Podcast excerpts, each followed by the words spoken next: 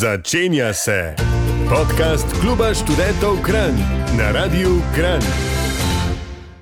Pozdravljeni, današnji večer bomo na Radio Kran z vami Mark Breznik in pa današnja gosta ima in tedaj iz akademske folklorne skupine France Marold.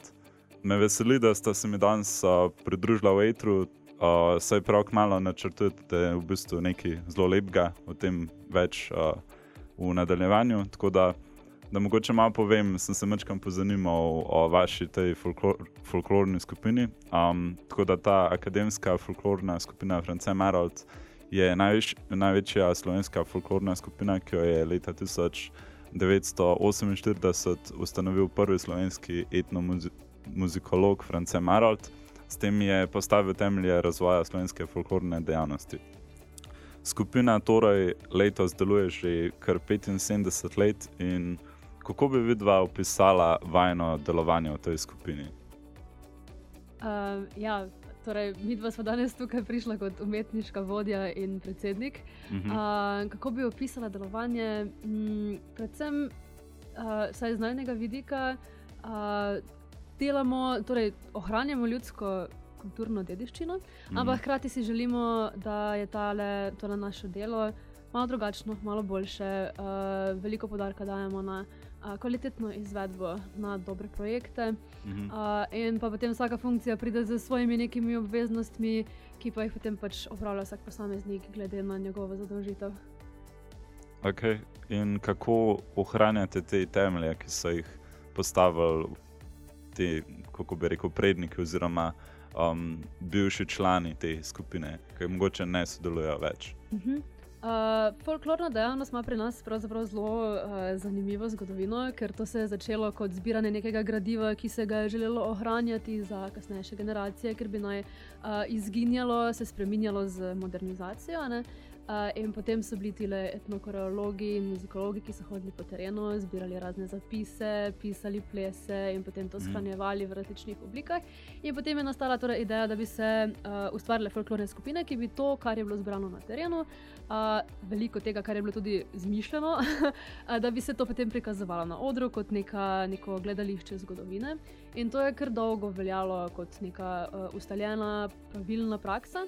Uh, v zadnjih par deset letih, recimo, pa se je ta paradigma malo obrnila, so prišli malo uh, drugi ljudje, ki so drugače gledali na te stvari, in se je začela folklorna dejavnost razvijati kot um, umetnost, kot odrski ples, odrska umetnost, kjer lahko ti iz tega materiala, ki, smo, ki smo ga dobili, uh, zapisanega, posnetega iz terena, uh, potegneš na neko višjo raven. Narediš torej neko dobro koreografijo, ki je kvalitetno plesana, ki ima neko kvalitetno zgodbo o zadnje in narediš to, uh, ta material uh, gledljiv, uh, predvsem poslušljiv tudi za naše um, pač poslušalce ali na radiju ali pa v živo na odrih. Uh, in da se kvaliteta plesa um, ne izgublja, da se ga nadgrajuje, in da to nastaja torej nek, nek celoten koncept, ne samo preplesavanje plesov in kazanje nečesa, kar je bilo nekoč um, zapisano.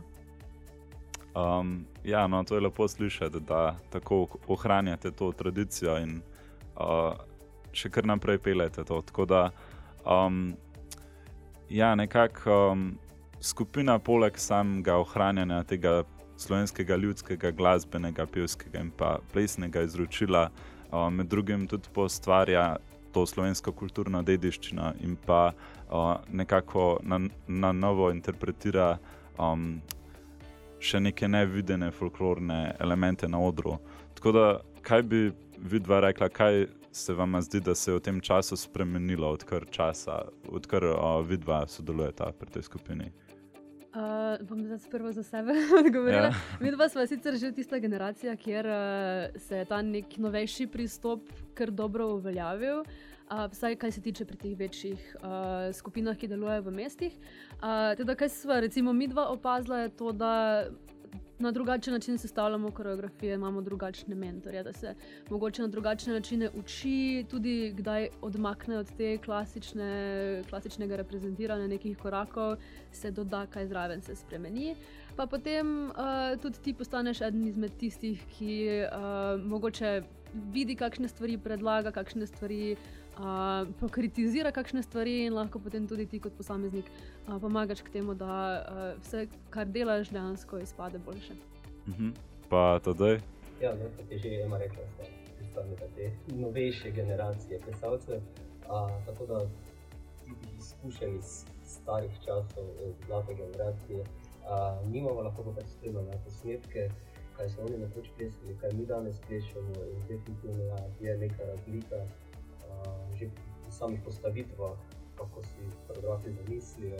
Uh, mogoče dan danes imamo več nekega dogajanja, oziroma uh, kot stari maro, se reče. Mm. Ja, stvari je več, stvari so drugačne, tudi glasba je bolj um, bolj uh, kvalitetna, uh, ker tudi dosti damo na to, da se glasbene priredbe, ki se pišejo, uh, niso potem. Ni samo osnovna melodija, ki se pač igra vsak inštrument, ampak se naredi neka celotna glasbena priredba, ki funkcionira. No. Um, ok, kot si že rekel, uh, tedaj uh, člani en drugega označujete kot maraltovce in pa vi imate nek moto oziroma reklo, ki gre um, enkrat maraltovec, vedno maraltovec. Tako da Um, kako vas razumete z ostalimi člani? Si predstavljam, da ste kar dost med sebojno povezani. Ja, sigurno. Pač vsi plesalci, glasbeniki, pevci uh, smo zelo dobro povezani, da smo tudi dobri prijatelji. Uh, ne samo, da se družimo na vajah, na stopih, turneje, tudi v prostem času se izdivamo, da imamo izgled in okus skupaj. Uh, tako pa tudi s starimi, bivšimi člani, ki niso več aktivni plesalci, še so vedno vidni kakih rojstnih dnevih, piknikih poleti. Tako da rekli enkrat maraton, da vedno maraton drži. No, super, lepo, da se tudi v prostem času dobivate, pa uh, družite. Tako da zdaj pa gremo na en komat, um, potem pa se slišimo naprej. Tako da ostanite z nami. In kot obljubljeno, smo že nazaj, Marga Breznik in pa današnja gosta Ema in Tadej iz akademske folklorne skupine France Maroc. Um, kako ohranjate kulturno dediščino ter ljudsko izročilo? A se vam zdi, da je zanimanje za kulturo v zadnjem času kaj opadlo tako med mladimi? Uh, kar se tiče ohranjanja, se trudimo, da ko pridejo plesalci, oziroma novi člani, tudi glasbeniki do nas. Uh, se nekako z njimi začne delati osnove, torej osnovne korake, spoznavajo plese, uh, se učijo nekih osnovnih oblik, ki jih potem kasneje lahko nadgrajujejo. Uh, kar se tiče novih članov, pa ja, moram reči, da uh, ne bom rekla, da je upad za kulturo, zanimanje za kulturo, uh, ampak je pa folklorna dejavnost mogoče v neki taki malo uh, krizi za člani, uh, ker je med mladimi pač dosti več interesa, tudi več opcij. In mogoče folklorna dejavnost ni več tisto, kar uh, bi člani, mislim, uh, mladi iskali, če pač tega prej ne poznajo ali pa če jim nekdo tega ne uh, predstavi. Predvsem zaradi tega, ker se folklore kot take drži veliko stereotipov, ki so pa navadi vezani na narodno zabavno glasbo, uh, ki se jih mi probamo sicer reševati, ampak to je zelo počasen proces. Uh, ampak tisti, ki pa pridejo, tisti, ki ostanejo, pa potem ostanejo tudi kar nekaj časa, ker je stvar, ki jo predelamo, neko skupno stvar um, se ti nekako pride pod kožo in, in rad uh, ustvarjaš uh, to neko drugačno stvar, no, ki ni, ni najbolj mainstream mogoče. Um, ok, potem tisti člani, ki so, ostanejo zvesti, ponavadi. Ja, tudi mi imamo torej, častne člane, ki, s katerimi redno ohranjamo kontakte. Uh, bivše člane se babi uh, na različne dogodke, včasih jih povabimo tudi za kakšno uh, pomoč, če potrebujemo, ali kakšno znanje, ali da uh, nam povejo, mogoče kak se je kakšna stvar včasih naredila in se potem iz tega izhaja v današnjem času. Uh, in pa prav je, da načeloma nekoga, ki je delal pred tabo, ustvarjal in ti potem predal vse ta material, vse to delo. Um, ohranjajo z njimi stike, da tudi oni vidijo, da so bili pomembni in da lahko um, sodelujejo z nami tudi naprej. Okay, um, kako pa ste vidva po to prišla, kakšna je vajna zgodba? A, a je šlo iz roda v rod ali prek prijateljev, kako je to rata? Uh, ja, moja zgodba je taka, da sem eno leto ponovila na faksu, sem imel več časa, da sem videl nekaj novega da se lahko pač ja, zanesla v folklorno dejavnost. Vedno me je to zanimalo, ampak nikoli ni bilo tega pravega časa odločitev, da grem, takrat sem na prvi poli pesala, pri folklori pa nekaj pridi, poglej, kako spodbuda, pač, da je fajn, da se samo znati, da se družimo, zabavamo in se plača. A, ja, moja zgodba pa je malo drugačna. Pri nas pa je to kot neka družinska stvar. Moja starša sta plesala pri pokojni skupini v Mariboru, pri študentih. Uh, in so potem oba z bratom že v mladih letih začela plesati folklore. Uh, prvo začneš pri neki otroški skupini, nadaljuješ potem pri kakšnih mladinskih, potem kasneje akademskih in je to pač del življenja na nek način, ki si ga imel uh, od malih nog, ko si gledal koncerte uh, pač takratnih skupin in potem kasneje začel tudi sam plesati in nadaljeval. Um, okay, kako pa vidite svoje sodelovanje v tej skupini v prihodnosti? Ali mislite prevzeti kakšne bolj pomembne vloge še, oziroma um, ali boste čas namenili drugim stvarem, tako kako? Nekak, ali imate kakšen plan za naprej? Ja, kar se tega tiče, zdaj najni vlogi, jaz sem tudi samomotiška vodja, tako da imamo nekako vse. Težko, težko najdete boljše vloge, nekako. Ja. Trenutno Okej. vodilne vloge v društvu. A, so pa vedno neki plani, ideje še za naprej, kaj bi lahko naredil s Mhm. to funkcijo, ki jo imaš. A, da bi še, kot sem že prej omenil, pač prepričal več članov, da se pridružijo ali pa postavijo na oder kaj drugačnega, poiskal kakšne zanimive turneje. Tako da vedno so neki novi cilji, ideje, kaj bi še. Ok, no, super. Pa ti imam še kaj za dodati. Uh, ja, mogoče tudi to, da ko enkrat zaključiš neko tako funkcijo, če se odločiš zaključiti uh, s svojim delovanjem, še zmeraj ostaneš kot nek del družbe, pomagaš, lahko svetuješ, si nekdo, ki se na tebe lahko mlajši člani uh, zanesejo, poprašajo za kakšen nasvet. Tako da mislim, da to še nekako mislim, da bo mava. Da končala odvajsovanja definitivno še ne bova, ampak če pa pride do kakšnih menjav funkcije, pa ostaneš kot del družbe in funkcioniraš zraven še naprej. Mhm. Ok, no pa gremo zdaj še na en komat, pa se potem vrnemo. Tako da ostanite z nami. Evo, smo že nazaj, um, tukaj smo danes z vami Mark Breznik in pa Ema in Tadej iz akademske folklorne skupine uh, France Marot. Um, pa gremo zdaj še mogoče še mačkam bolj v te začetke. Tako, um, a ste se kdaj ukvarjala z glasbo, igrata mogoče kakšen inštrument oziroma sta hodila v glasbeno šolo? A, ne, jaz nisem nikoli igral nobenega inštrumenta, a, nisem bil nadarjen glasbenik, tako da se nisem spuščal te vode. Jaz imam končano nižjo glasbeno, uh, sem igrala violino, ampak dejansko potem tega nikoli nisem uh, izkoristila pri folklornih uh, skupinah. Sem vedno prišla z namenom plesati, ne pa igrati. Um, kaj pa ples, tako mislim, sta rojena plesalca, imata ta talent, oziroma ali vam je bilo mogoče na začetku malo tuje um, se gibati tako z drugimi. Nekako si predstavljam, da je to neko tako skupinski ta ples. Tako. Ja, Ja, drugače je to n- mogoče malo drugačen način gibanja, ker se eno plešeš v paru, pa ni Mhm. samo par, ampak je tudi osem parov ponovadi, ki se premika skupaj po odru, Mhm. tako da se moraš malo navaditi tega, da uh, nisi samo individualen člen, ampak imaš soplesalca ali soplesalko in da imaš še ostale plesalce na odru. Tako da tudi na tem dosti delamo, ne, da, da se znamo uh, obračati po paru, da se znamo orientirati v prostoru. Um, Kaj se pa tiče uh, plesa, meni je bilo to vedno zanimivo. Jaz sem zelo rada plesala in sem tudi pač, uh, zato se potem odločila, da uh, grem v neko takšno dejavnost in z njo nadaljevala. Prideš pa potem do neke točke, ko uh, vsaj v folklorni dejavnosti osvojiš neke te osnovne korake in potem iščeš tudi uh, drugačne načine, kako jih lahko izkoristiš, kaj se da še z njimi uh, narediti, jih nadgraditi. mhm. um, ja. Ja, mogoče ena stvar, uh, ko pridejo novi člani eh, k nam na društvo, vedno prvo leto v frutovski skupini, kjer se učijo teh osnovnih korakov, polka valček in pa naprej nekih enostavnejših koreografij, tako da se sproti prilagajaš samemu tempu in načinu dela, uh, da potem lažje ujameš uh, nove korake, ki pridejo iz te skupine. Pa potem se skozi čas oblikujejo neki stalni pari ali se menjate med sabo, kako je s tem. Mm, Ne, mi smo tistih, ena tistih skupin, ki menjavamo člane. Mhm. Uh, pomeni, da za vsak nastop, uh, za vsako vajo se pari določajo sproti in uh, jih določamo glede na staž, torej da plešajo skupaj plesalci, ki so en malo starejši, en malo uh, mlajši, da si lahko pomagajo. Uh, predvsem pa po višini, ker tudi to je pomembno, da nimaš nekoga, ki je uh, veliko manjši ali pa veliko više od tebe, ker potem je plesati veliko težje, tako da se vsakeč znova uh, prilagaja uh, pare in postave na, na plesalce, ki jih imamo na voljo. Mhm.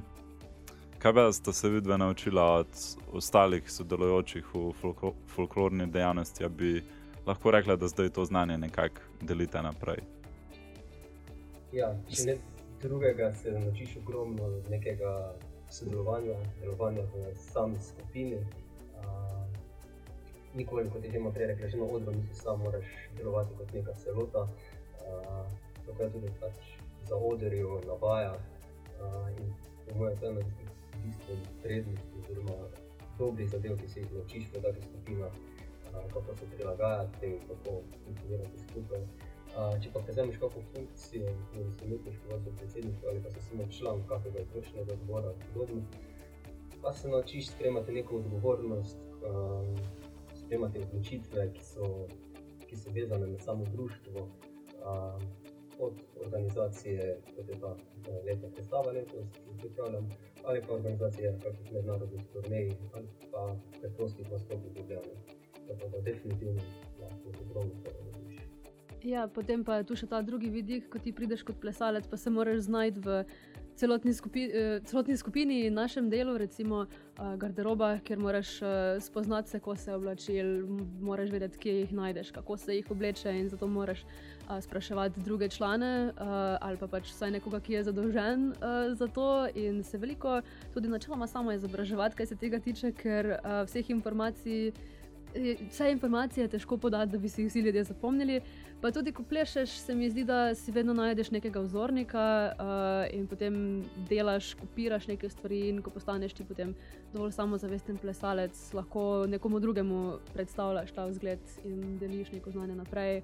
Dobiš kakšno vprašanje od mlajših članov, poveš, kako se neka stvar naredi. Tako da se znanje na nek način pretaka iz, mlajš, iz starejših do mlajših uh, članov.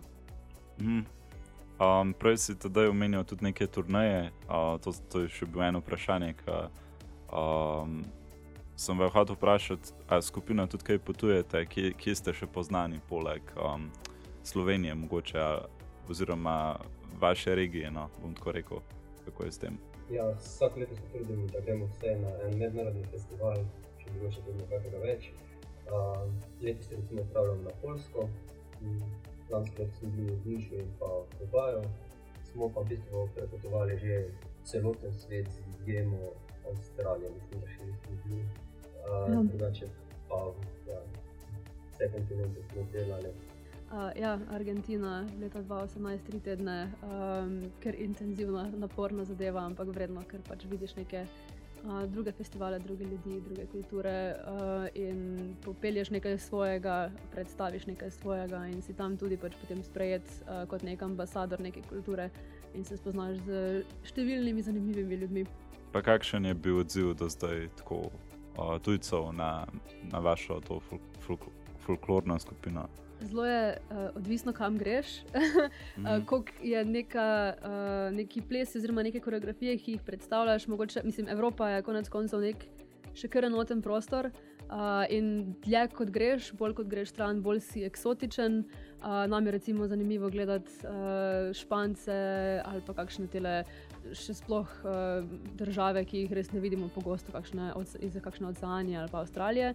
Uh, prav tako, če mi gremo v tiste kraje, smo potem mi toliko bolj zanimivi s temi našimi oblekami, od tal do vratu, zapetimi pač belih barv. Oziroma, ni, nič kaj uh, presenetljivega, ampak za njih čisto nekaj uh, drugačnega, tudi plesi so drugačni, glasba je drugačna. Uh, tako da uh, je zelo odvisno od tega, kam potuješ in kako so ljudje odprti za um, videti in sprejeti neko uh, kulturo, ki je drugačna, uh, in se tudi konec koncev izobraziti um, s pomočjo nas um, ali drugih skupin na tem področju. Ok, hvala. Gremo zdaj še na, še na en break, na en komat, in potem se vlišimo nazaj. In smo že nazaj, z vami smo danes Mark Breznik in pa Ima in Tadej iz uh, folklornega društva France Marold. Um, jaz sem se še večkrat prebral, večkrat sem se pozanimal o tem društvu in sem ugotovil, da um, se delite na tri skupine: na starejšo skupino, srednjo skupino in pa začetnike, začetno skupino. Um, imate pa tudi glasbenike, to so Alpski orkester, Tamburaški orkester in pa uh, pevska, pevska skupina Maraltovke. Um, a mi lahko mogoče še mečkam bolj podrobno opišete to delitev, oziroma kaj so posamezne vloge teh podskupin? Ja, imamo tri glavne skupine.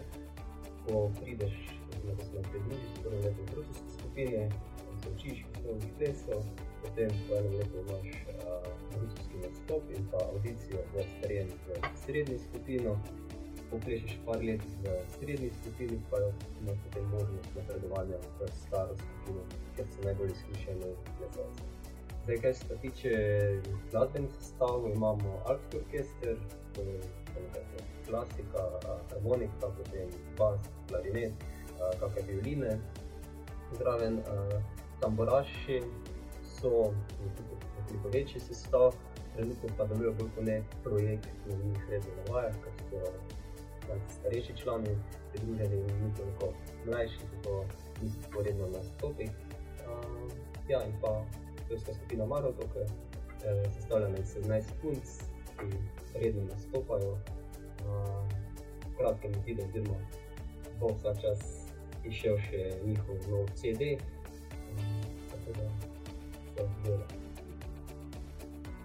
No, tako, torej gre za ekipni duh. Um, ali bi lahko rekla, da skupaj dosežete več, kot bi vsak posameznik ste?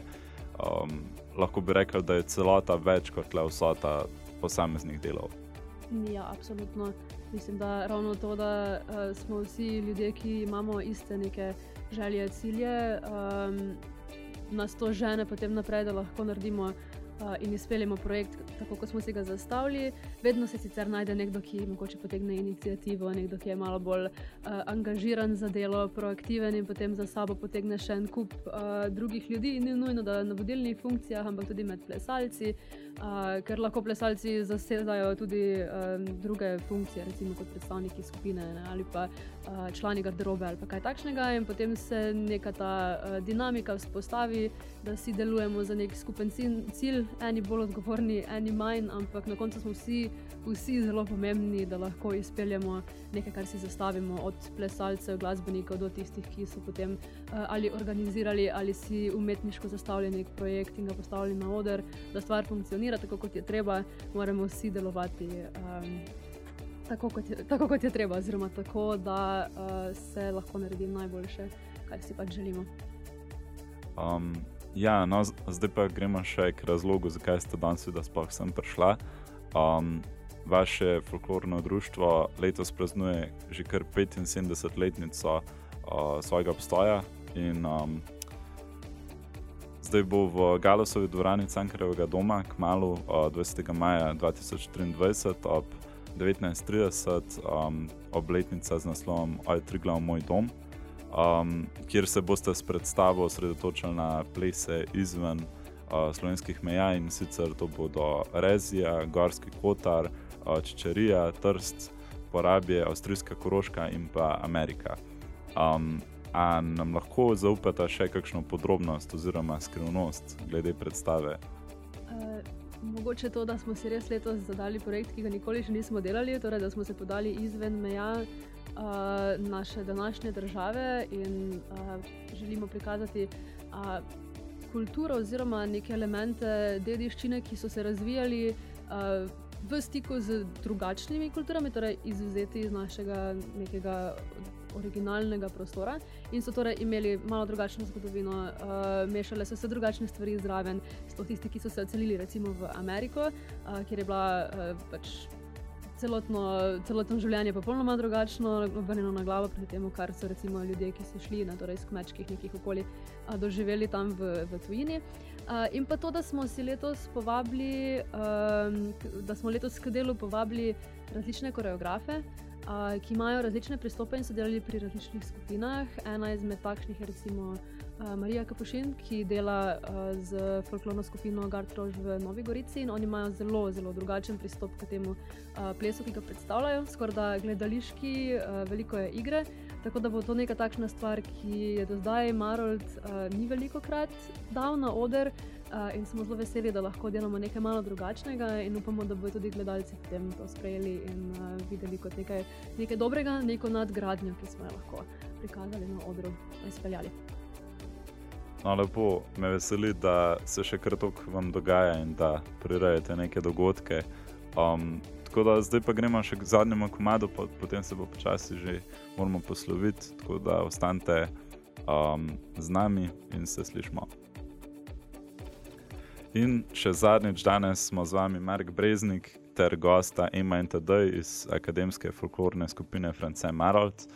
Uh, torej, hvala, ker sta bila danes z mano in še enkrat um, bi povabil poslušalce na vašo predstavo ob 75-letnici um, obstoja vaše folklorne skupine z naslovom Oj, Triglav, moj dom, ki bo potekala 20. maja 2023 ob 19:30 uri v Galusovi dvorani Cankarevega doma.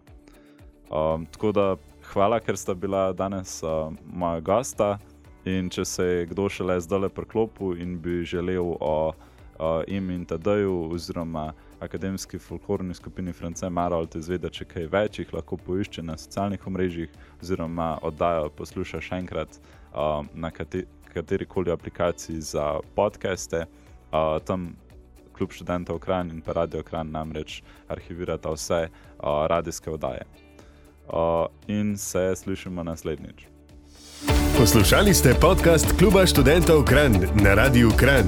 Še več bogatih oddaj najdete v vaši najljubši brezplačni aplikaciji za podkaste.